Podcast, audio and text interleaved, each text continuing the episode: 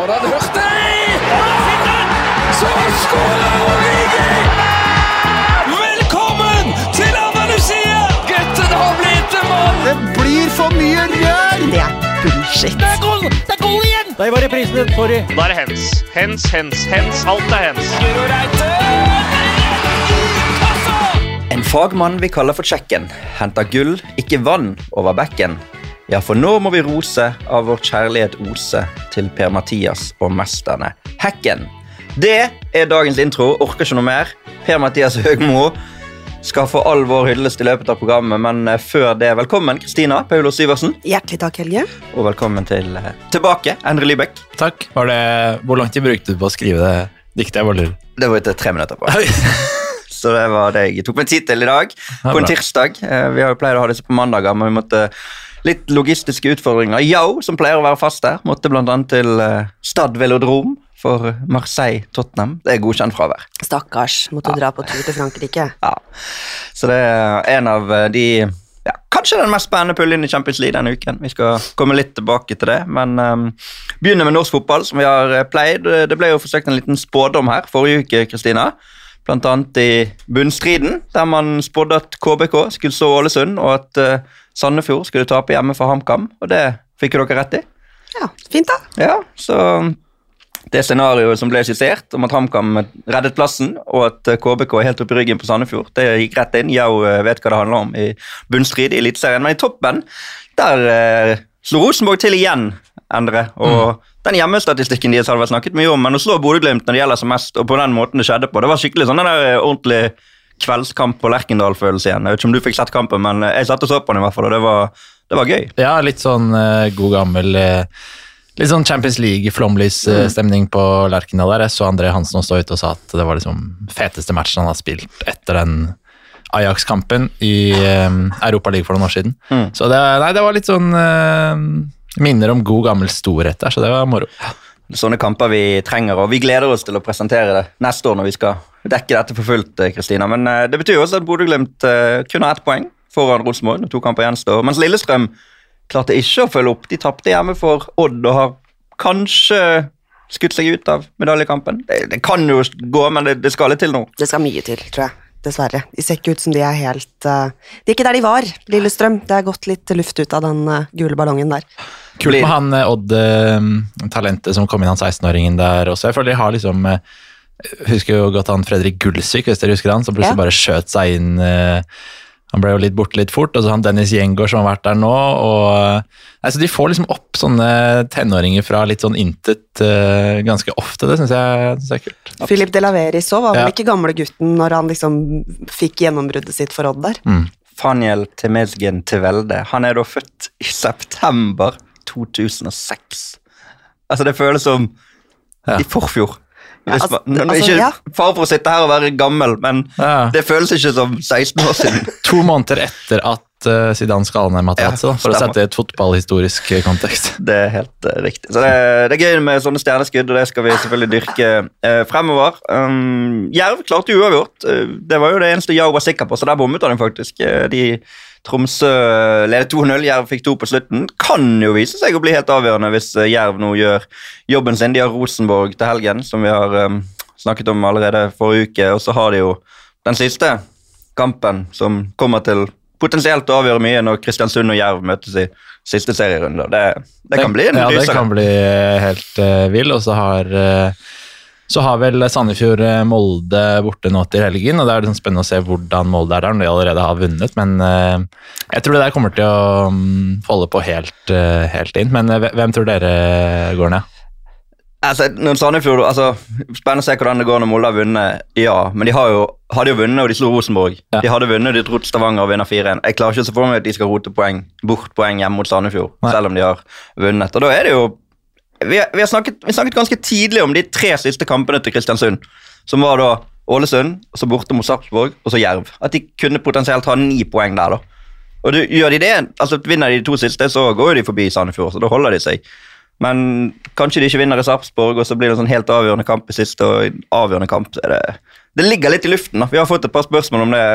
Bjørn Rudshagen spør oss kan Kristiansund klare det umulige. Og så har det på en måte vært litt sånn fra uke til uke Kristina, hvor umulig den oppgaven har vært. For de har jo heller ikke vært i sånn superform. Altså De gikk jo på en De hadde vært fem kamper på rad nå uten seier, før de da vant igjen nå. Men nå er det to poeng opp, og de Nå må jo man tro på det. Nå må man tro på det. Det ser mindre og mindre umulig ut, da, for å si det på, på den måten. Så det, og så er det HamKam, da, som sikret seg med den seieren i Sandefjord. Kristoffer Sten Johannessen spør hvordan vil dere vurdere HamKam sin prestasjon i årets eliteserie. Og de har jo sikret plassen med to runder igjen. Det må jo være godt nok. Ja, jeg vil si det er uh, godkjent, og med alt det som har skjedd der med Rekdal ut og Christian Eriksen ut, og at de har klart da å um, holde seg, og da etter hvert kan begynne å tenke på å etablere seg, så tror jeg de er, eh, de er fornøyde. Og så er det ganske jevnt der. HamKam har Tromsø hjemme nå. Sant? De er åtte poeng bak Tromsø. Kan ikke ta igjen de, men vinner de den ja, Det er ikke umulig at de kan bli rundt nummer 10-11 hvis, eh, hvis de vinner de to siste kampene sine. Så en veldig godkjent eh, comeback-sesong på øverste nivå for eh, HamKam. Og så er det Sandefjord, da, som da taper denne kampen i helgen mot HamKam. Det betyr at det fremdeles er juli sist de vant. Det var jo så nære nå. Altså, Dave Vega har en enorm sjanse rett før HamKam tar ledelsen. Hadde de vunnet den, så hadde ting sett fullstendig annerledes ut. Men Bjørn Rudsagen igjen spør kan Sandefjord sparke trenerne sine rett etter at de har signert nye kontrakter. De, kan jo det. Ja, det er jo på en måte Ja, det må jo være mulig, det, sånn sett. Altså, vi har jo sett folk bli sparka kjappere enn det, tror jeg, Mm. rundt om i fotball-Europa. Så det er klart at de, de får jo ikke sparken nå. Altså Det er jo helt uaktuelt, vil jeg tro, mot, med mindre det skjer noe helt ekstraordinært i helgen. altså sånn altså, Før sesongslutt. Men altså, det er vel vi så jo i eh, toppserien i Kolbotn Ja. at det avtroppende trenerteamet faktisk fikk sparken en kamp tidligere Mm. enn de egentlig skulle, så man veit jo aldri. Du vet aldri, men eh, det kommer i hvert fall til å bli diskusjoner der, da, vil jeg tro, om det skulle gå ned med Sandefjord. Det var vel snakk om eh, at det var sånn eh, Lenge siden det har vært en sesong hvor ingen hovedtrenere har blitt uh, sparka. Eh, så det er jo positivt for, uh, for trenerstanden, da. Eh, det er jo et eh, ganske spesielt yrke hvis man bare tenker sånn en vanlig, vanlig jobb. Men vi får se da om det holder helt ut at ingen blir sparka. Nå er det kort tid igjen, så de må Ja, holde på tålmodigheten. innen en uke, hvis ikke det skal Men det som er sånn. positivt for Sandefjord, da, siden du var inne på det, var jo at Harmet Singh er tilbake. Han har jo vært ute lenge og har vært veldig viktig for dem, og nå er tilbake i serieinnspurten. Fikk et lite innhopp i helgen. han, eh, han er viktig for det laget der, så det kan fort eh, vise seg å bli eh, viktig. Hvis de skal ut i en eh, kvalik, eller ja, i hvert fall de to siste kampene nå, da, med all den rutinen og erfaringen han har, og den roen med ball og Ja, det, mm, det er bra for Sandefjord i hvert fall, da, oppi alt uh, som har vært litt negativt uh, siste, siste perioden. Og så er det jo sånn at selv om Sandefjord skulle tape i Molde, og Kristiansund tar poeng i Sarpsborg, hvis det blir U, så er Sandefjord fremdeles foran, og Sandefjord har Haugesund hjemme i siste kamp. Så foreløpig så har jo de det i sine egne hender, og så blir det spennende å se om vi kan si det samme om en uke. Så er det jo og så det kult å se på Obos i helgen om med Skeid, som skal spille mot dette laget i kvalik, som da sendte, sendte rent andrelag opp til eh, Trondheim for å møte Stjørdalsblink, bare for å de skal være topp forberedt, eh, ikke få på noen skader og ikke noe unødvendig inn mot den kvalikmatchen som, eh, som De møter. Arendal, som vel slo Ullskisa over Ja. to kamper. Ja, så nei, det, er, kult med den spenningen som er med norsk fotball inn, eh, inn eh, på tampen av eh, på sesongen. Mm. Det var spennende i går òg, når det var halloween. Vi har fått et spørsmål i den sammenheng fra Benjamin Sars. Nå har vi sjekket det, han har svart. Det er Sars, det skal uttales. Eh, var en av våre faste lyttere og spørrere. Hvilken trener i Eliteserien tror dere pynter mest til halloween? Jeg fikk bare når jeg leste det spørsmålet, en sånn umiddelbar hunch på Dag Eile Fagermo. Altså, jeg tror at han liker halloween. Altså, du ser for deg han sitter litt sånn og humrer og koser seg over å skremme små unger, liksom. Ja, kanskje. Rekdal, tror du han eh, liker halloween? Uh, jeg tipper han er enten veldig for eller veldig imot, men hvis jeg tipper satt penger, ville jeg satt veldig imot. Men uh, hvem som bruker mest? Kanskje Christian Mikkelsen, fordi jeg var i Kristiansund i da var det norgesferie i fjor, og det var eh, Det er jo ikke så mye som skjer der, da, for å si, for å si det mildt, så da har han jo i hvert fall god tid til å kunne pynte. Så det, det var det jeg tenkte på på det spørsmålet til han, men det er ikke sikkert han er så engasjert i det, men fordi at det ikke er så mye action, rett og slett. Halloween er jo en ganske sånn ny tradisjon. Det ikke, vi, har liksom ikke de, vi har ikke en 30-åring som trener i Eliteserien nå. Da har det kanskje vært lett å trekke fram de. Sant? De fleste av disse er liksom eldre enn oss. Og, og jeg sjøl er litt sånn ja, Halloween det kan de ha i USA, men uh, så jeg vet, det er vanskelig å argumentere for så mye der. Kanskje noen av de som kommer fra andre land. Jakob Mikkelsen, Danmark. Vet ikke om de tradisjonene er sterke der, men uansett kjekt at dere spør om litt andre ting også, så det tar vi med oss. Eh, Du var innom eh, Obos-ligaen. Der ble det også avgjort i helgen hvem som fikk de forskjellige kvalifiseringsplassene. Um, Sandnes Ulf skal møte Kongsvinger i den første kampen allerede nå på torsdag. Vinneren der møter KFUM i Oslo eh, neste tirsdag. Og Så skal vinneren der igjen møte Start i Kristiansand. Og så skal vinneren der igjen møte det laget som blir nummer 14 i Eliteserien. De kampene går da 16. og 19. november. Og der var vi jo inne på det, vi var faktisk ikke helt sikre på om det var hjemme-bortekamp, men det er det. Og Eliteserielaget skal ha hjemmekamp først. Det ble trukket nå. Så der er jo det spennende å se hvem som går seirende ut, om det blir et lag som rykker opp, eller om eh, noen rykker ned. Eller ja, det blir jo for så vidt hvis noen rykker opp, så må noen rykke ned. Men eh, om noen holder seg, da, eller om noen rykker opp. Ja, og så er det jo det som er litt uh, interessant med den Obos uh, Obos-kvalik-varianten, er å si de som ble 3, 4, 5, 6, da. Eh, så KFM har jo mm, imponert igjen i år veldig, og at de er der oppe og kjempa om opprykk helt inn igjen, er jo superimponerende med tanke på de ressursene eh, de har, som er mye mindre enn det f.eks. Start har. da. Mm. Men Sandnes Ulf og, og Kongsvinger det har ikke vært noen sånn kjempesesonger. Det har vært veldig veldig jevnt i de plassene rundt Brann. har selvfølgelig vært suverene. Stabæk har vært eh, stort sett ganske solide etter hvert eh, oppå der. Og så har de plassene rundt eh, og bak KFM vært litt sånn ja, Mange som har variert veldig, da. Så jeg er veldig spent inn mot, uh, inn mot kvaliken her, fordi fordi det er jo sånne enkeltkamper og sånn hvor alt kan skje. Vi så jo det dramaet som ble i fjor også med, med Brann og Jerv der, som var helt spinnvilt. Så Ja, det var jo ingen som kunne forutsi Nei. det. Så absolutt. Uh, vi har fått, fått et spørsmål om Start. Uh, hvor store sjanser tror dere Start har til å rykke opp? Da er det en først enkeltkamp mot ja, enten KFUM, Sandnes Ulf eller Kongsvinger i Kristiansand. Det er Som resultat av den siste runden der KFUM tapte i Bergen, så mister de også hjemmebanefordel i det som blir en slags semifinale. da. Eh, de har jo kommet bra start. Det er jo alt om Obos-liga på Twitter. De er verdt å følge for dere som liker uh, Obos-ligaen. De har også eller nevnt det, og så har de eh, nevnt La oss rose Rasmussen, altså Mathias Rasmussen, tidligere startspiller, med hele tre priser for sesongen 2022. Årets spiller i Brann, årets spiller i Obos-ligaen på NTB-børsen og årets spiller i Obos-ligaen. Ja. Han har hatt en stor sesong. Ja, eh, veldig bra. Veldig tellende med spesielle målpoeng. da. Veldig effektivt og fortjent pristrister her, så det er spennende å se om han eh, klarer å følge det opp i Eliteserien neste år. Han spurte vel om eh, årets lag mm. også. Noen ord om vårt årets lag i Obos-ligaen 2022. Enig, uenig. Og Det laget de hadde da, det var Jasper Torkelsen, Sondre Norheim, Mats Nilsen, Fredrik Bergli i en trebakk. Jonathan Jonsson, Ingvald Halgenseth, Mathias Rasmussen, Robin Rask, Martin Ovenstad, Vegard Erlien og toppskårer Gift Orban. Altså, eh, det er vanskelig for meg å på en måte radbrekke et lag i utgangspunktet, men når Brann er så overlegen som de er, Ja. så mener jeg at de må ha flere representanter på årets lag. Ja, det... det er på en måte mitt første innspill, uten å sitte på en bergensk hest og skulle liksom trekke fram Brann, men at kun Mathias Rasmussen skal være på årets lag, det syns jeg blir lite. Ja, Siden du sa du ikke kan radbrekke, så kan jeg gjøre det, da. Ja. Men eh, nei, eh, jeg mener jo eh, at det er noen gode poenger her, og så ville jeg heller hatt August Strømberg i mål, Kongsvinger-keeperen, som har vært eh, bunnsolid. Svensken, veldig avgjørende og viktig for at Kongsvinger er på eh, skal spille playoff. Det er ikke så lenge siden de var i andre divisjon, og det har vært litt sånn Erik Mæland, trener der, eh, gjort det bra, og så ble det jo klart midt i sesongen at han skal gi seg etter Mm. sesongen, så- har de klart å holde dampen oppe likevel. mye takket være svenske burvokteren der. Og så ville jeg hatt Sven Krone på en høyrebekk på en sånn årets lag. Han har vært knallgod for Brann. Kjempesignering. Har spilt masse i dansk superliga. Eh, ungt talent i Brønnby der, og har vel tosifra antall mål altså er målgivende pasninger fra høyrebekkposisjon. Og er blitt en eh, favoritt i Bergen. Mm. Eh, så ville jeg hatt eh, Aron Kiel Olsen som stopper. Kjempesesong i KFM.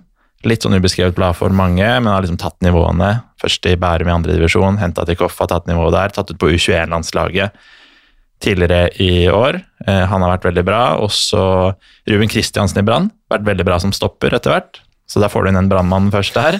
Er det ikke for min del? Jeg, bare Jo, jeg, jeg, er helt, jeg er helt enig med deg, for de har jo vært eh, best, og det bør jo være mye flere brannspillere her. David Møhler Molfe ville jeg hatt på venstrebekk. Avslutta sesongen i fjor eh, bra, da Brann hadde en fin periode på slutten der, og er egentlig fortsatt i samme stil i år. Så er en del av den der eh, Det syns jeg er litt kult med den eh, liksom bergenske bølgen på Brann òg, med han og Hva er det de kaller han? Kniklas. Mm. og og de lokale gutta der. Eh, Robin Rask på midten er jeg helt enig i, som eh, på årets lag har hatt en veldig bra sesong. Ekstremt balltalent, er veldig god i padel og golf også. Og eh, han har vært mye, sk- skada, eh, lagt på seg litt eh, altså muskler, da. Og hatt en bare Jeg vet ikke om dere har sett mye KFM, men måten han liksom styrer midtbanen på der, er ekstremt rolig med ballen. Så Han er vel 28 år nå og ikke spilt i Eliteserien, det syns jeg er litt rart. Så, så han mener jeg fortjener det, for han har hatt eh, og veldig mange målpoeng denne sesongen nå. Da. Det er sånn som folk legger litt ekstra merke til. Mm. Men uh, han har vært uh, veldig, veldig bra viktig for Koffa. Også Mathias Rasmussen eh, ville hatt inn der, som vi snakket om. Sivert Heltene Nilsen har også vært god for Brann. Eh, og så ville hatt eh, Gift Orban på topp. Det hadde vel eh, vår mann her også. Og åpenbaring for Stabæk. Da kom fra intet, bøtta inn mål. Og helt vill sånn bøttehatt på de eh, opprykksfestene til Stabæk. De har to opprykksfester på to ja. uker nå. Han har kjørt helt sånn veldig moteriktig fyr også, da. så det er fint å se. Og så han eh, Jonathan Jonsson, vært veldig bra for Sogndal. Enig i den. Og så ville jeg hatt eh, Niklas Castro, syns jeg også er rart eh, ikke er på laget. Han er også, det er vel han og Rasmussen har vel Mm. like mange målpoeng, så Castro ble, har vært litt sånn Obos-konge de siste årene, så Spennende å se om han uh, klarer det Eliteserien, da. Ja, absolutt. Men da har du gitt din vurdering, og det var det det ble bedt om. Ja. Det er veldig bra. Ja. Uh, alt om Obos-ligaen på Twitter, som sagt, verdt å følge. Det er sånn quiz-spørsmål for evigheten kommer til å bli hvilken brann som ble toppskårer i Obos-ligaen det året de rykket opp. Mm. For han det har jo gått litt under radaren, nesten. Altså Delt toppskårer riktignok med Gift Orban, men det er jo Bård Finne. Ja. Og det er han, han har på en måte ikke vært den mest fremtredende, men uh, allikevel fått sin andel målpoeng, da. Ja. Og mål. spennende. Han slo jo gjennom Det var helt sånn eh, Jeg husker det var en reportasje på TV 2 tror jeg, da han slo gjennom, han var vel 17, veldig ung i hvert fall, da. Og hvor det var noen eh, damer i Bergen der som var helt eh, hysteriske på ham. for han ble helt sånn der eh, De er jo sultefòra på lokale helter, da. Ja, ja. Og liksom, ok, nå, hvor skal det her eh, ende? Og så ble det vel kanskje ikke like bra som man trodde og hadde forutsett da han slo gjennom der. Han har hatt en fin karriere, selvfølgelig, men han har ikke blitt den, eh, den spissen som leverer på det toppnivået hver eneste sesong som man kanskje trodde. da. Men eh, nå har hatt en herlig sesong, og så blir det litt sånn som både han eh, Castro, Rasmussen og Sedi på topp, toppnivå da, i Eliteserien. Eh, for jeg vil jo tro at den, mange fra den suksessgjengen til Brann fortsetter neste år. Det får vi, får vi tro. Um, over til toppserien, Kristina, som også ble avgjort i helgen, der Brann eh, jo hadde vunnet. Det var ikke i toppen det ble avgjort, for der eh, var det gullfesten som gjensto, og den fikk de jo virkelig De rydda sikkert konfetti ute på Stemmyren i hele vinter, vil jeg tro. For det var nok av det i bildene som ble spredt på sosiale medier i etterkant. i hvert fall, Så var det viktig med mye konfetti. Men eh, det virkelige det dreide seg om i helgen, var jo hvem som skulle rykke ned fra nedrykkssluttspillet. Og det så lenge ut til å bli Avaldsnes som skulle slå følge med Kolbotn. Altså, de slapp inn mål etter ett minutt, og frem til det 94. Fjerde. Ja, 94. minutt så var de nede, men så snudde det. Ja, altså, eh, for en gave Avaldsnes har vært denne sesongen, på godt og vondt, og for en gave det dramaet der blei i andre omgang, særlig. Eh, vakkert å se Jon Arne Riise løpe ut på banen der, skli i gresset, for det er tungt med naturgress og hukkasko. Eh, nei, det var, det var nydelig, altså. For alle andre enn TIL 2020, selvfølgelig, som da ikke Eller man kan vel ikke si at de rykket ned, men de rykket ikke opp.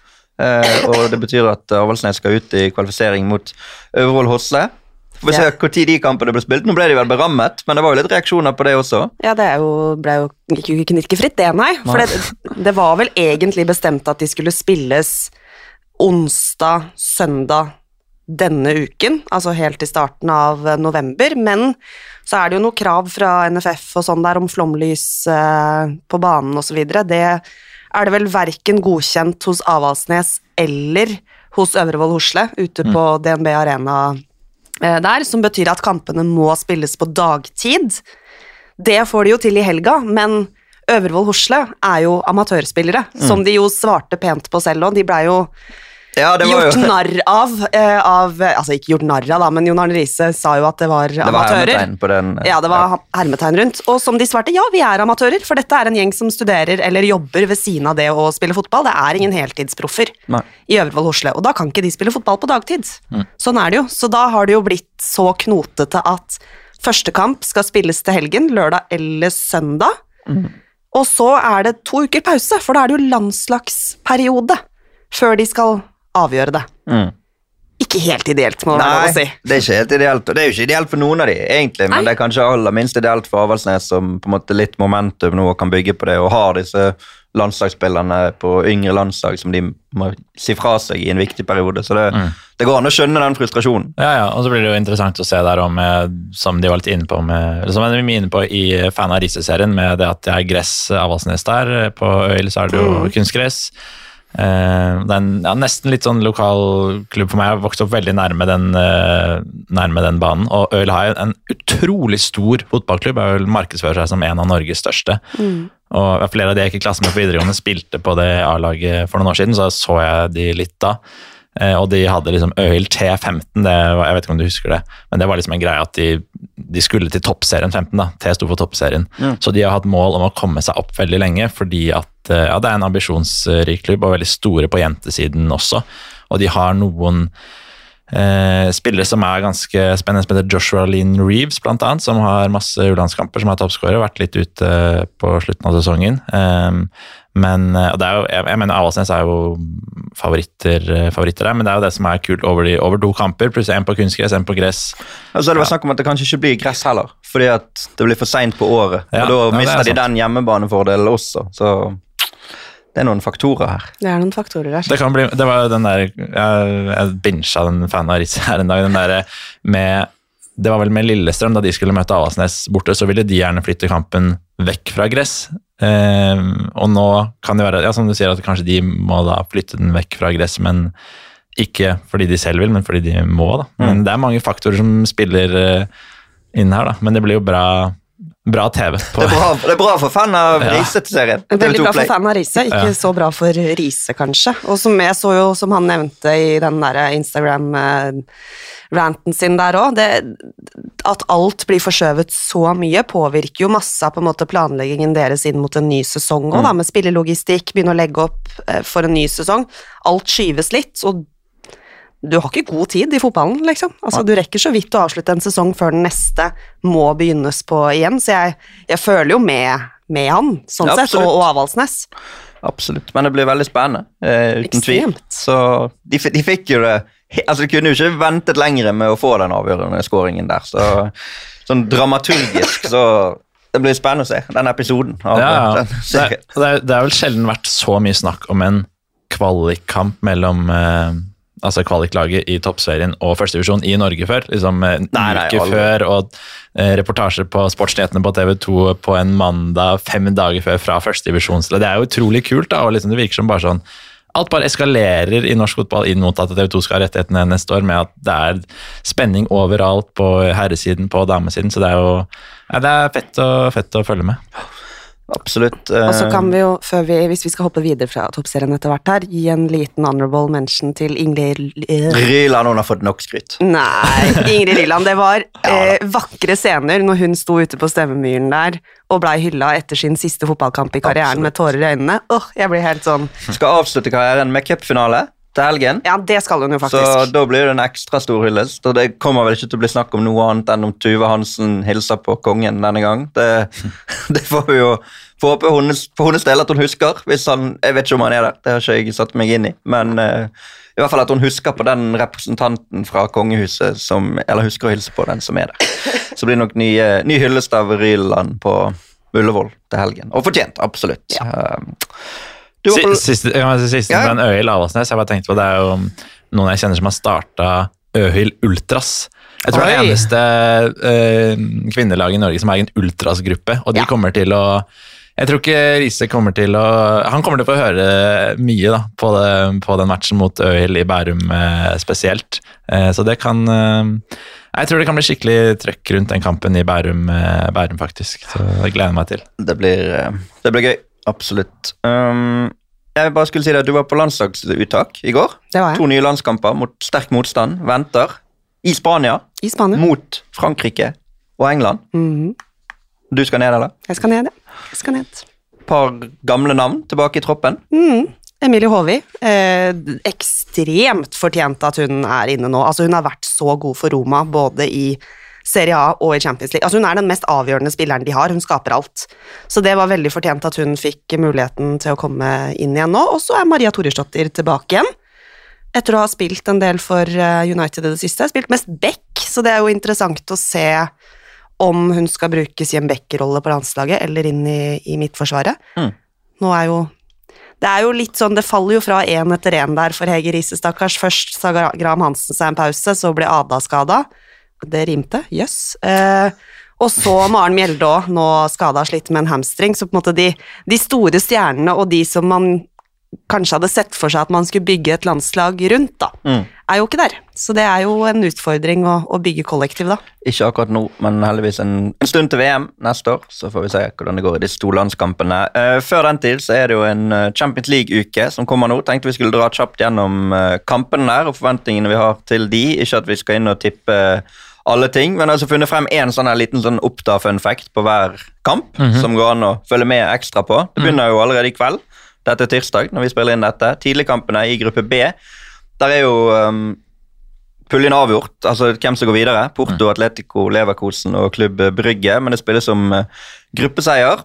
Porto Atletico 1845 på premium, første kampen eh, i kveld. Og der er jo det å følge med på redder Diogo Costa straffe igjen. Altså Han har reddet tre av fire straffer i Champions League denne sesongen. Og jeg, jeg ser jo for meg det hvis Atletico får en straffe der. Du vet jo det. Mm. Du vet at motstanderens keeper har den statistikken når du står der og skal skyte. Mm.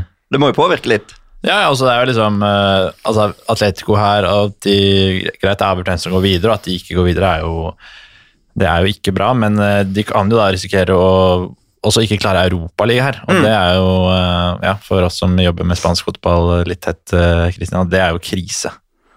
Hvis de, skulle, hvis de ikke skulle klare Europaligaen heller, liksom. Nei, det er jo helt fryktelig. Så det er jo mye, fortsatt mye på spill eh, i den gruppa her for, eh, for Atletico. Da. Eh, For da er det Leverkosen og Klubb Brygge i den andre kampen. Eh, Da er Leverkosen som kan snyte Atletico for den uh, Europa League-plassen. Og da er spørsmålet skårer Patrick Schick?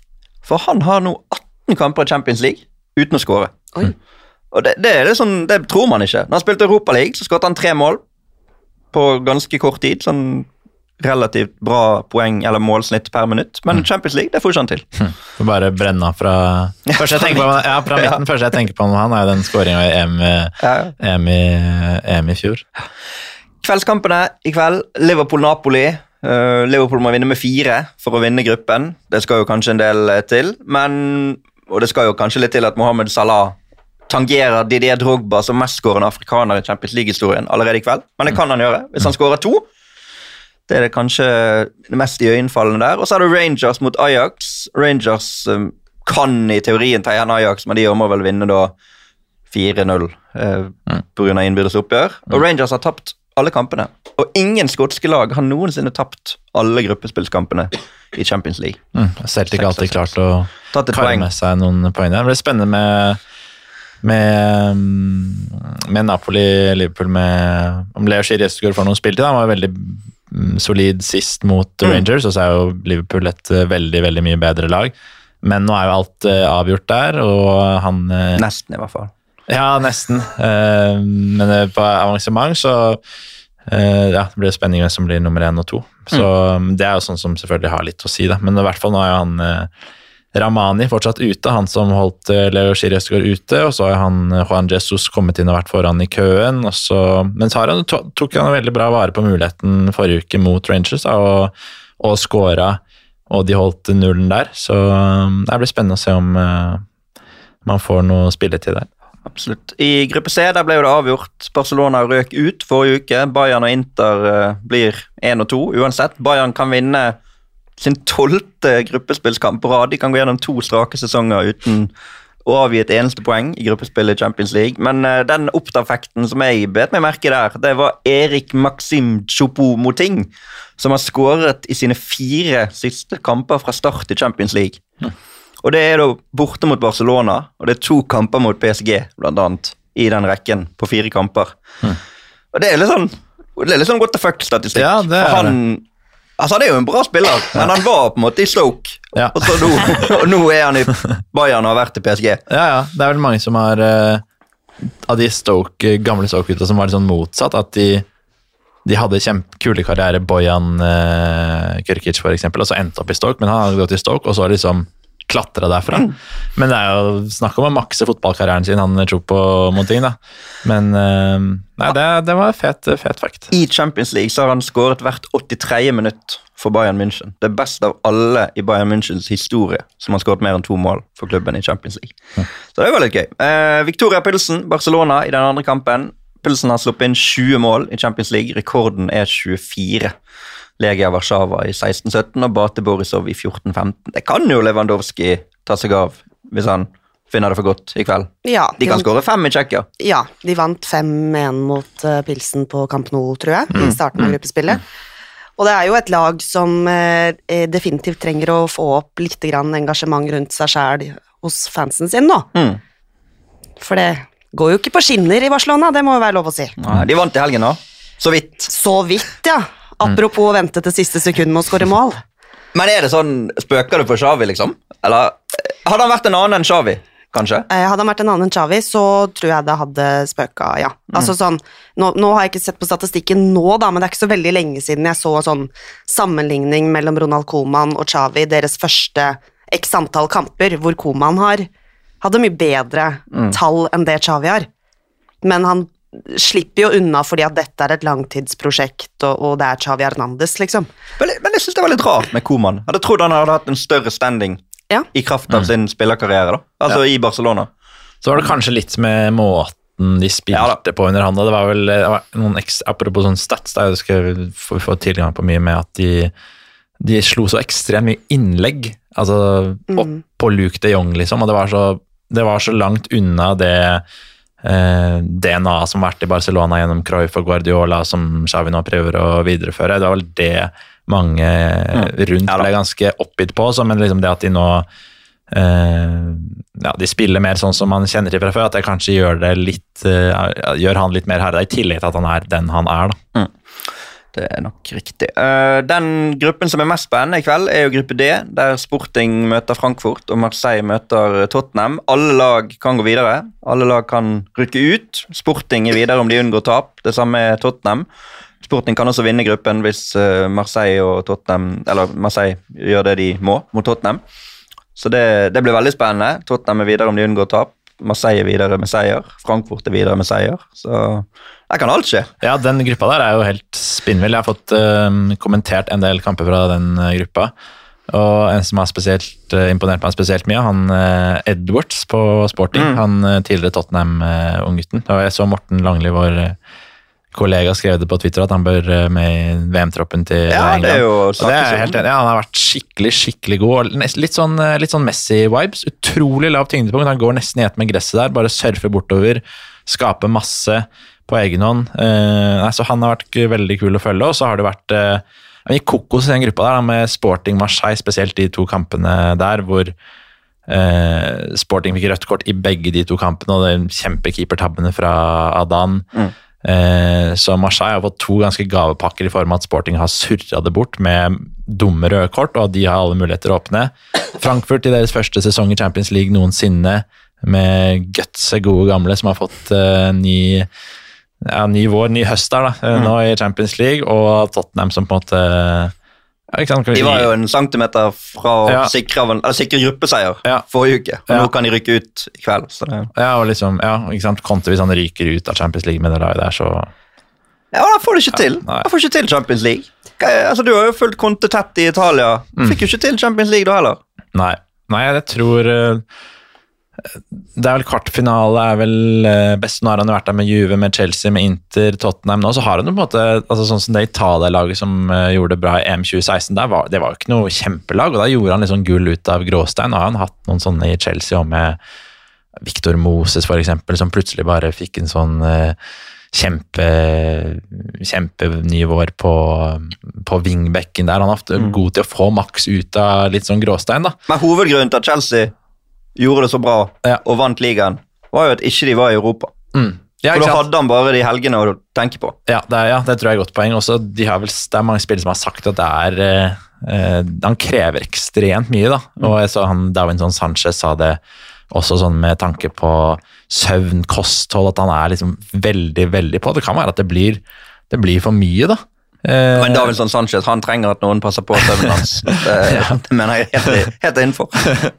Ja, nei, men det er, eh, det er sikkert noe som Han er en vinner, altså. Det er sikkert noe som plager han, eh, plager han litt, at han liksom ikke får det, får det, helt, eh, får det helt til der. Men nei, han trenger kanskje en italiener inn i, Tottenham-troppen, da, som kunne skjønne skjønner liksom eh, mentaliteten hans og måten å jobbe på. Mm. Og så er Det noe med det der, det ble jo vist veldig i vår i hvert fall, at hvis han hadde mer enn fire dager på seg mellom kamper, så var resultatene helt tydelig bedre enn hvis det var mindre enn fire dager. Og Champions League er det nødvendigvis vanskelig å få mindre enn fire dager enn før og etter kamp, så det kan jo påvirke. Eh, Tottenham har aldri vunnet en kamp i Frankrike.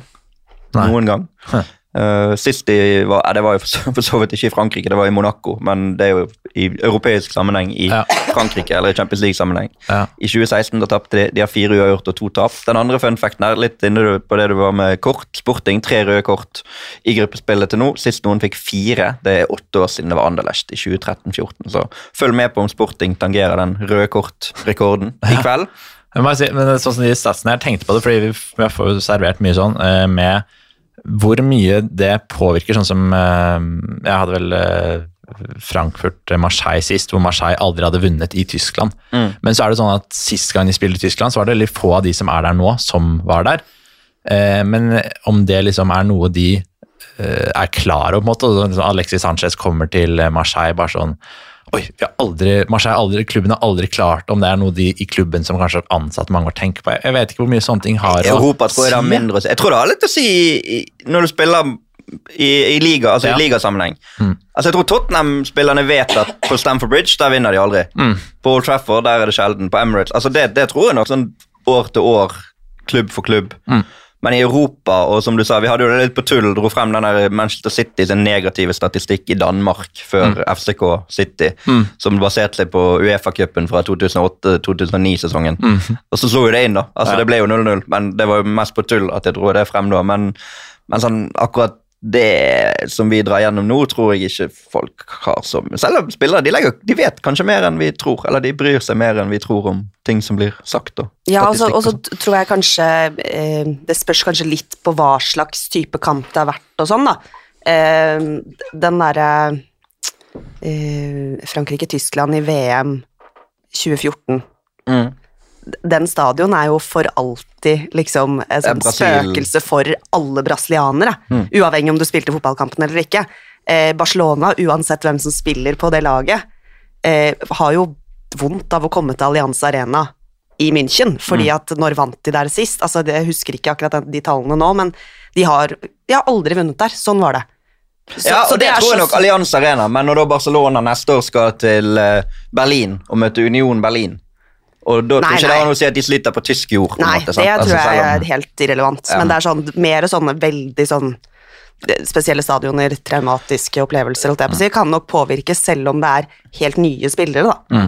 Norge, hvis de skal til MX Stadium i Brighton igjen med kvinnelandslaget Ja, de spilte jo der mot ja, de, Østerrike. Tre dager etterpå. Tre dager etter å ha fått Eller fire, kanskje. Ja, i hvert fall veldig kort tid etter å ha fått bank. Mm. Jeg lurer på hvordan, Nei, nå spiller vel kanskje ikke Brighton sitt damelag på Amex. I hvert fall, De har vel kanskje en kamp der. Ja. er sånn det har vært lagt opp til. Ja.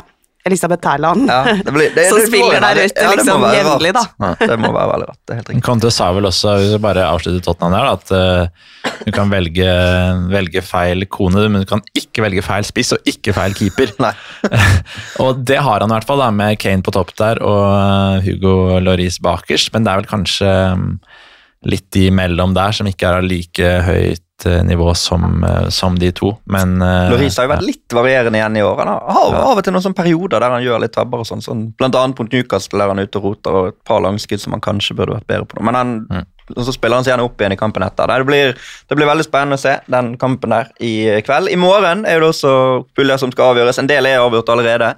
Eh, Blant annet Real Madrid har sikret avansement, men de må sikre gruppeseieren med seier mot Celtic, hjemme mot Celtic. I utgangspunktet enkleste kampen i gruppen. Det bør jo gå for Real Madrid. Selv om de fikk seg et tap sist mot Leipzig, Kristina, så har de såpass mye kvalitet at det, det skal gå veien. Ja. Hjemme mot Celtic. Ja, det skal nok eh, det. Men, eh, og nå har de jo i tillegg gikk de på sånn bananskall eh, i helga, da. Hvor de var helt off mot Girona. Da er det klassisk at da våkner de litt til liv igjen. De er jo sin egen verste fiende, dette Real Madrid-laget, når de plutselig skrur helt av, men de har også en evne til å skru veldig på igjen, da. Mm. Det er 1845-kampen på premium i morgen.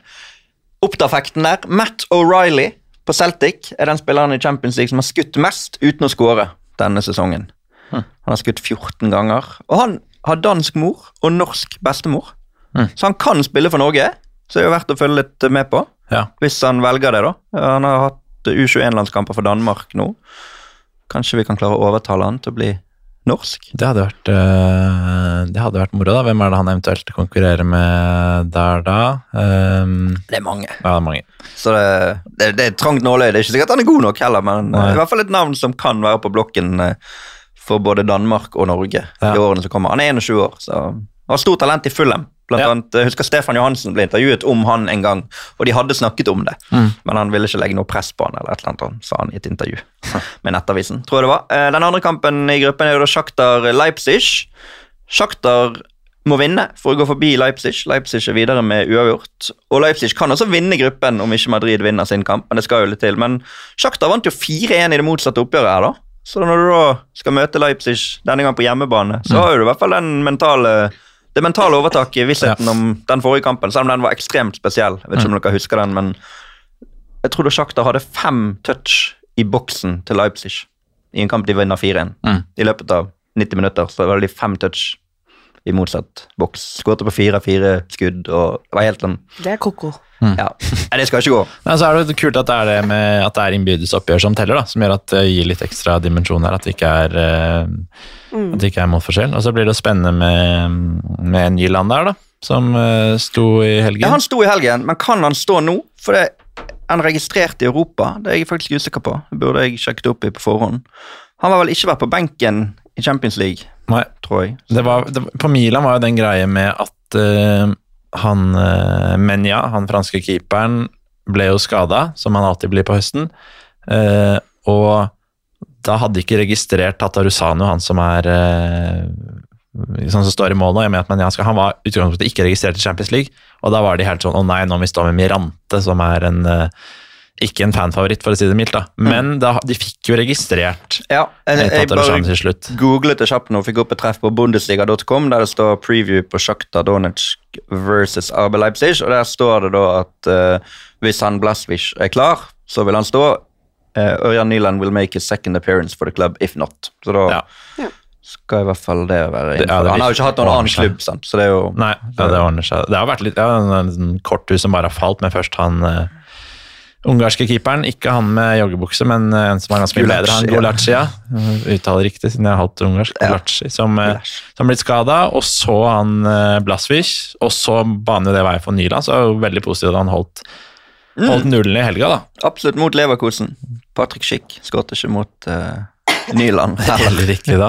Men det er jo det er litt sånn, han kommer der som keeper, og så er det allerede en fyr som er etablert der i mål, så han er på en måte avhengig av at, av at han spiller skikkelig dårlig, at det blir en skade. Og nå ble det plutselig det. Mm. Da må du bare ta vare på muligheten, og så ja, Nyland, han, det, det har vært mye med både han og andre keepere rundt han og gjennom karrieren. Han er vant til det. det Mm. Og i Tyskland har han gjort det bra før. Han har jo en bra standing i, i tysk fotball. Ja, og det er noe, det er et eller annet med alle norske keepere nå, med liksom Jarstein med Berlin der hvor det var kaos med han keepertreneren og ute der, og så André Hansen som plutselig skal gi seg på landslaget, og så Nyland nå som har vært klubblås, og så kommer han inn. og så Det er liksom, det er alltid noe hvis vi skulle dratt på et pressetreff med landslaget nå, og da er det alltid noe man kan gjøre og si rundt keepere, da. Og Da kan vi få ekspertkommentar fra Frode Grodås, og det liker vi alltid veldig godt. Han er en fin fyr. Eh, gruppe E, Milan-Salzburg. Milan videre om de unngår tap. Salzburg videre med seier. Da kan vi dra frem en sånn uinteressant statistikk om at Milan hjemme mot østerrikske lag i Europa har eh, 4-1-0, 19 mål skåret, målsnitt på 3,8. Men sant, At de slo Salzburg i 1994 og at Marco Simone skåret mål, det, det har ikke noe å si i den kampen, her, men det var i hvert fall den effekten vi dro frem der. Og så er det Chelsea mot Dynamo Zagreb. Chelsea har eh, vunnet gruppen. Dynamo kan komme seg til Europa League. Eh, da må de vinne. Men forrige Zagreb-seier borte i Champions League var mot Ajax i november 1998. Etter det de spilt 20 kamper borte i Champions League uten å vinne. Og det er nok litt mer sånn Det, det tror jeg nok de er klar over, da. Ja. At eh, de sliter borte. Ja, og så blir det litt fordi eh, de som følger eh, Dynamo Zagreb tett, da, som Mm. har hatt uh, sikkert noen ålreite uh, turer rundt om i Europa som de kanskje ikke ville hatt ellers, men det blir jo litt nedtur når laget deres taper. Men uh, hvis de da i tillegg får en eh, fet tur til en storby, og at laget vinner, så blir jo det litt krydder. Selv om det er jo typisk ting som man ikke kan styre selv. da. Men eh, for fansen så blir jo det litt ekstra sånn åh, borti Champions League. Men eh, jeg, skal ha, jeg skal kommentere den Milan-matchen, og det er jo det har jo vært liksom, Nå er det ni år siden sist Milan eh, var i sluttspillet i Champions League. Ehm, og det er jo en eh, skikkelig storklubb, og de har vært så langt nede, og det har vært så tunge år. og ja, Mina som Finstadberg Finstad som vi jobber med, hun er jo Milan-fan. Det har jo vært uh... Som har bursdag i dag. ja, Gratulerer med dagen til Minna. Jeg bare kom på det nå. Beklager at jeg avbrøt deg. Nei, men det er bra. Du er god på fun fact. Opp, det var det Oppda som, opptatt, som opptatt av serverte. Nei, ikke sant, og hun har vært eh, langt nede. Jeg har en annen eh, god kompis, Erik, som også er Milan-fan. De er liksom, de bare, Det har vært så langt unna gammel storhet, men nå liksom, nå vant de forrige sesong. Nå kan de gå videre i Champions League nå. Og så har de surra litt denne sesongen. Tapte mot Torino i helga, da så det ikke så veldig bra ut. Og de varierer fortsatt mye, men hvis de kommer seg videre nå Zlatan etter hvert kommer kanskje tilbake, ikke sant? og det har vært eh, rundt 70 000 på hver eneste kamp på San Siro. Så det er, det er veldig kult at det er litt sånn eh, minner om gammel storhet i, i Milano, for det trenger, eh, det trenger de. Absolutt. Eh, gruppe G er det jo avgjort eh, allerede at City eh, vinner gruppen. Eh, møter Sevilla, som blir nummer tre uansett. Eh, FCK blir eh, sist, og Dortmund blir nummer to. Så der kan vi dra kjapt gjennom. Det blir jo da uten Erling Braut Haaland også, etter alle solmerker. I hvert fall hvis ikke de har lurt noen, og han plutselig skal spille den kampen likevel. Men det tviler jeg på. De kan hvile han når de, når de kan, eller de vil hvile han når de kan også, sikkert. Men City kan spille 0-0 for tredje kamp på rad i Champions League. Det ville være veldig spesielt. Sist Pep Guardiola hadde tre uavgjorte på rad, det var i april-mai 2009. Da var det i kvartfinale, semifinale mot Bayern. to, eller kvarten mot Bayern, og så to 0-0 og 1-1 mot Chelsea. Den kjente Øvrebø Ja, ja, ja. på Stamford Bridge, der de tok seg til finale på bortemål mot Chelsea. Og så er det da FCK, som er det eneste laget som ikke har skåret i Champions League denne sesongen. Det har skjedd tre, lag, tre ganger tidligere at lag har gått gjennom Champions League-gruppespill uten å skåre. Sist eh, Dynamo Zagreb i 16-17. Maccabi Haifa gjorde det i 9-10. Og Deportivo faktisk i 2004-2005-sesongen. Ja, Ap gamle Apropos gammel storhet, Ja. som ligger eh, langt, Skikkelig. langt, langt nede. ja. Og så Sevilla, da, som er i den gruppa her. Altså, Mm. De ligger jo faktisk på nedrykksplass i La Liga. Ja, De fikk den nedturen og røk ut av Champions League og skulle liksom slå tilbake. Og så fikk de en ny nedtur nå Ja. i helgen. Jeg tenkte deg, det kan jeg liksom ikke Jeg kan ikke komme på noen Jeg vet ikke om det er i topp fem-ligaene som har Altså, Nå er det selvfølgelig lenge igjen av sesongen, men det, det er ikke så stort fall fra liksom kjempe Det var de og Real Madrid lenge som Det var liksom eneste reelle utfordreren til Real Madrid om det seriegullet, og så ble det mye uavgjort og ja, mye men altså, en, en bra sesong for Sevilla som klarte topp fire igjen forrige sesong, og nå liksom altså nedrykksplass. Det er så stort fall. Det kan jeg ikke huske, i hvert fall i min levetid, å ha sett fra ett lag fra en sang til en annen. Nei, Kanskje Leicester, da. Som var sånn, det var jo eksepsjonelt at de var der de var den ene sesongen, men det var jo et voldsomt fall. De sparket jo Ranieri og var jo i nedrykksstrid, faktisk, de òg. Ja. Men det blir jo litt annerledes. De er ikke den store klubben i utgangspunktet. Nei, men sånn, Men da kan vi jo nevne at til helga så er det Sevilla-derby. Mm. ja. Og, Du skal ned dit, eller? Ja, og Betis ligger jo på fjerdeplassen. Mm. Det som liksom er Sevilla sin plass i La Liga. Så det kommer til å koke noe så voldsomt, tror jeg. Og jeg skal dit, og jeg gleder meg veldig. Det er TV2 Sport 1-kampen, det. På søndag, sant? Søndag 21.00. Skal du på kamp på lørdager? Eh, nei, Nei. jeg skal bare henge rundt i den nydelige byen Sevilla Ja. er, og lade opp til byderby. For det er jo Barcelona som spiller lørdag kveld klokken ni mot Almeria. Så har vi nevnt de også.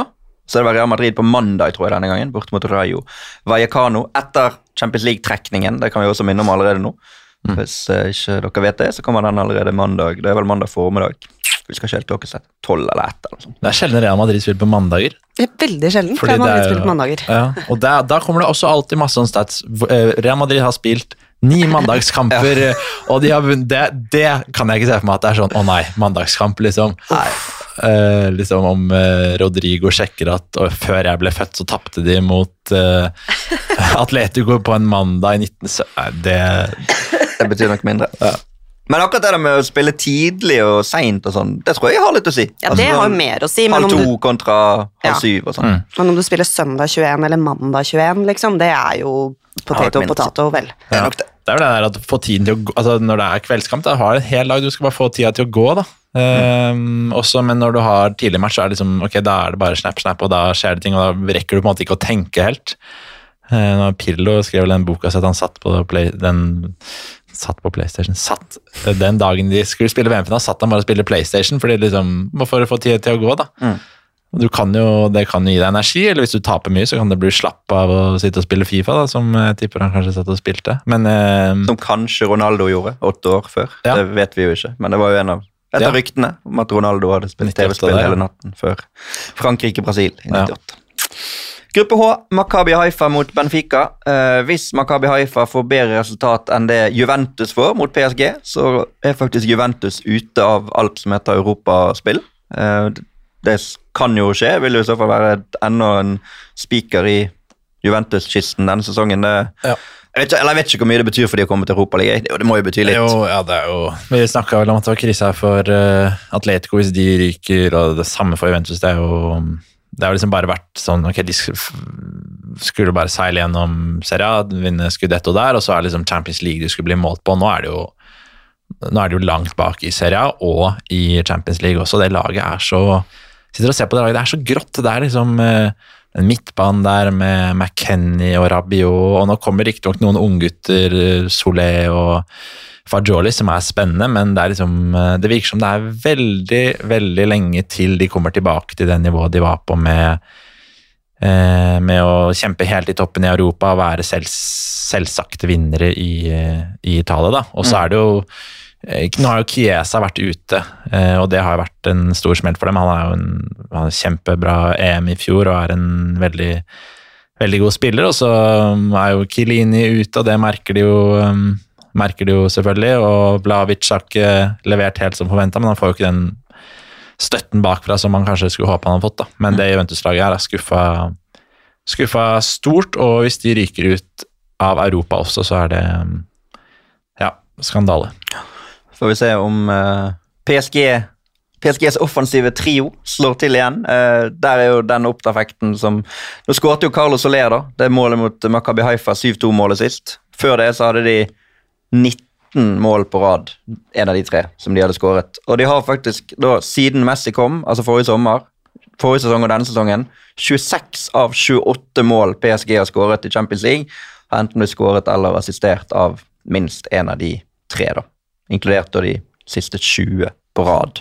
Hm. så er jo klart at det det er jo sannsynlig at en av de er involvert i skåring, men at, at det er kun to mål de har skåret i Champions League, da, som ikke en av de enten har skåret eller slått mål under på, det er jo ganske sykt. De våkner litt ekstra når det er uh, flomlys der, apropos når man spiller ikke liksom eh, kamp mot uh, mot uh, Trois søndag klokka tre. liksom, uh, Det er noe ekstra med de gutta når det er kveldskamp der. Og nei, Det er er kult å følge den gruppa der med Aursnes også, da, Benfica. For det er, jo, altså, det er vel ingen norske TV-kanaler som har rettighetene til portugisisk liga, så det blir jo litt vanskelig å følge med på. Og det har jo ikke så stor standing i Norge, men han har gjort det veldig bra i Champions League og i en gruppe med to eh, såpass store lag som Juventus og PSG også. Så det syns jeg har vært eh, kult å følge han.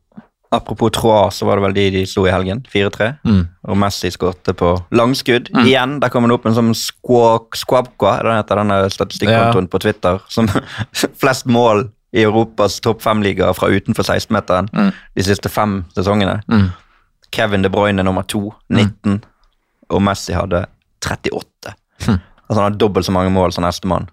Fra Ja. utenfor 16-meteren. Og Fedvald fri. Hvis han fortsetter som nå, så Ja. kommer han opp på den lista der. Uh, Uten at det skal forhandle for mye om tall, da, men det sier litt om Ja, ja. altså Messi har liksom normalisert det å bare treffe mål på de der eh, fra sånn 20 meter og inn. Ja, ikke sant? Det er jo kjempe, altså Når de møter lag eh, sånn som ja, De Bruyne på City og Messi på PSG, de møter ofte lag som legger seg veldig lavt. Og det å ha spillere med den dimensjonen også, hvor de bare hvis de blir stangen og ikke klarer å spille seg gjennom, at ok, vi har en, eh, en snikskytter fra langt hold her, da. Så det, er jo en, eh, det gir jo laget det gir jo laget en ekstra dimensjon rett og slett da, i de type kampene der. Absolutt. Jeg så nå at jeg hadde glemt å finne en sånn opptafekt på Makabi Haifa mot Benfica. Da har jeg ikke gjort jobben min, så jeg må bare ta, ta den første og beste jeg finner her. Og det er at eh, Benfica-trener Roger Smith har ikke tapt noen av sine siste 13 Champions League-gruppespillskamper. Fem seire, åtte uavgjorte. Riktignok åtte av de som Leverkosen trener, men det er da den lengste rekken av de som er managere i Champions League nå. Uten eh, tap. Den er, den er jo fin og relevant da, Ja. for uh, vedkommende som skal uh, Ja, det, det kommer til å bli nevnt, det. Hvis dere lytter til den kampen, hvis dere velger dere Makabi Haifa Benfica på TV2 Play onsdag klokken ni, så se om den, om den kommer. De som, de som ser den, er jo dedikerte. Du sve- sveiper ikke tilfeldigvis innom Makabi Haifa Benfica. Nei, det er familien til Ursnes, det. Og Ja. kanskje noen israelere, hvis det eh, da, det, alle kamper har sin verdi, så det blir, Ja. det blir spennende å se. Og målshow anbefaler jo vi. Igjen, som alltid i Champions League-uker. Da var vi gjennom Champions League-kampene. Um, nevnte i introen der at Per-Mathias Høgmo fortjener hyllest, og Jørn Henland skrev til oss 'Hyll Per-Mathias Høgmo'. Per-Messias Høgmo, skrev han, gjerne med et dikt. og det Det det ble et limerick i starten der. Men altså, 4-0 borte mot IFK Göteborg når det gjaldt som mest. Vi har vært inne på det tidligere, De slo AIK de slo Malmö. De de vant alle disse kampene mot slutten av sesongen som skulle avgjøre. Og det er altså med hekken. Ja. Det, det er ganske vilt. Det er, det er ganske vilt. Det er liksom eh, altså Tenk liksom Jeg følger jo ikke alle svensk fotball eh, veldig tett, men det er jo den landslagsperioden her som han huskes eh, best for. og det Tenk så nærme det var da, i Palermo der med 20 minutter igjen og marginene i toppfotballen. og hvis, hvis Tenk han hadde tatt oss til EM der, da, som ville vært det første sluttspillet på 16 år. Og så gikk ikke det, og så ble det den kampen i Ungarn der, og så blir alt det der sprettballgreiene og, og det som blir liksom latterliggjort når du ikke lykkes, da. Men når du lykkes, så blir jo alt bare sånn eh, Da blir alt greit, på en måte. Men altså, han kommer altså til hekken, som er sist i Allsvenskan i fjor. Holder plassen, og første hele sesong vinner ligaen. Jeg vet, det er vanskelig å sammenligne med så mye. For det er som hvem Ja, det er som om Rikard Norling skulle kommet og tatt over ja, Hekken er riktignok fra ja, Åsane, da. Som bunnlag i Eliteserien, og så vinne. Mm. det er kanskje ikke helt det, men det er ikke langt unna. Det er ganske vilt. Ja, det er helt vilt, egentlig. Uh, En klubb som aldri har vunnet serien noensinne. Nei, det er helt det, altså, det er vanskelig å sette ord på og finne liksom sammenligning, sammenligningsgrunnlag i det hele tatt. Um, men jeg hørte i går um, på NRK faktisk at uh, Hege Riise snakka litt om, om Høgmo. Og hun hadde han jo som trener uh, i 2000, da de tok OL-gull, og snakka litt om måte, hvordan hun uh, også har på en måte latt seg påvirke av, av han når hun ble trener etter hvert. da. Og han har utfordra henne en del på det der å lese dikt. Nei, jeg så det. Faktisk. Ja, jeg så det. Eh, det syns jeg var litt artig, for at, eh, det er som jeg sier, vi, man har ledd mye av Per-Mathias i Norge etter på en måte det man sitter igjen med med sprettballer og, og joggebuksekeeper og, og rør ned i Ungarn der, liksom, men han er jo åpenbart en veldig, veldig dyktig fotballtrener. Mm. Det sier jo merittene, og det får man jo et nytt bevis Ja, ja. På, på nå, da. Mm. Eneste som har trent både herre- og kvinnelandslaget i Norge. Ja. Vel, så, men, eh, Ja, foreløpig. Eh, men eh, altså, jeg kjenner, eh, kjenner han ikke, men jeg intervjua han et par ganger. og eh, Bare litt sånn sikkert med den psykologiske aspekten med det. Det var et eller annet med han liksom, Når du uh, når intervjuet han, at man føler, i hvert fall jeg, følte meg litt sånn litt sett, på en måte. Altså, Det var et eller annet med måten han var på, litt sånn varm og omgjengelig, og litt sånn rolig og veldig sånn eh, det var jo ikke så lang, lang, intervju, men det fikk litt sånn ro i sjela. på en måte. Det er sikkert Den der biten der skal du ikke undervurdere med å få folk til å føle seg vel, som gjør at de kan prestere. da, Og liksom eh, Og så har jeg lagt merke til at han blunker veldig ofte når han prater. litt sånn, altså sånn, Det er, nest, det er så intervjuet, var sånn, er det en dame som står bak meg som han flørter med, eller hva er det? Men så ser jeg at han gjør det i alle intervjuer. Han står liksom og blunker, og du blir, da kan man bli litt sånn der, hva?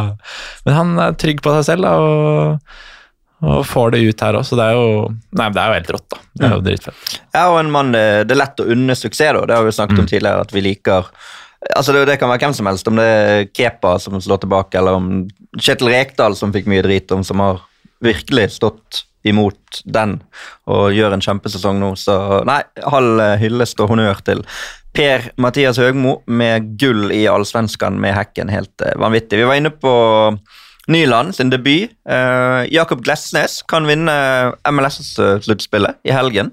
Eh, klar for finale. Philadelphia Union slo New York City. Han hadde vel en involvering der på en dødball. Møter Los Angeles FC i finalen.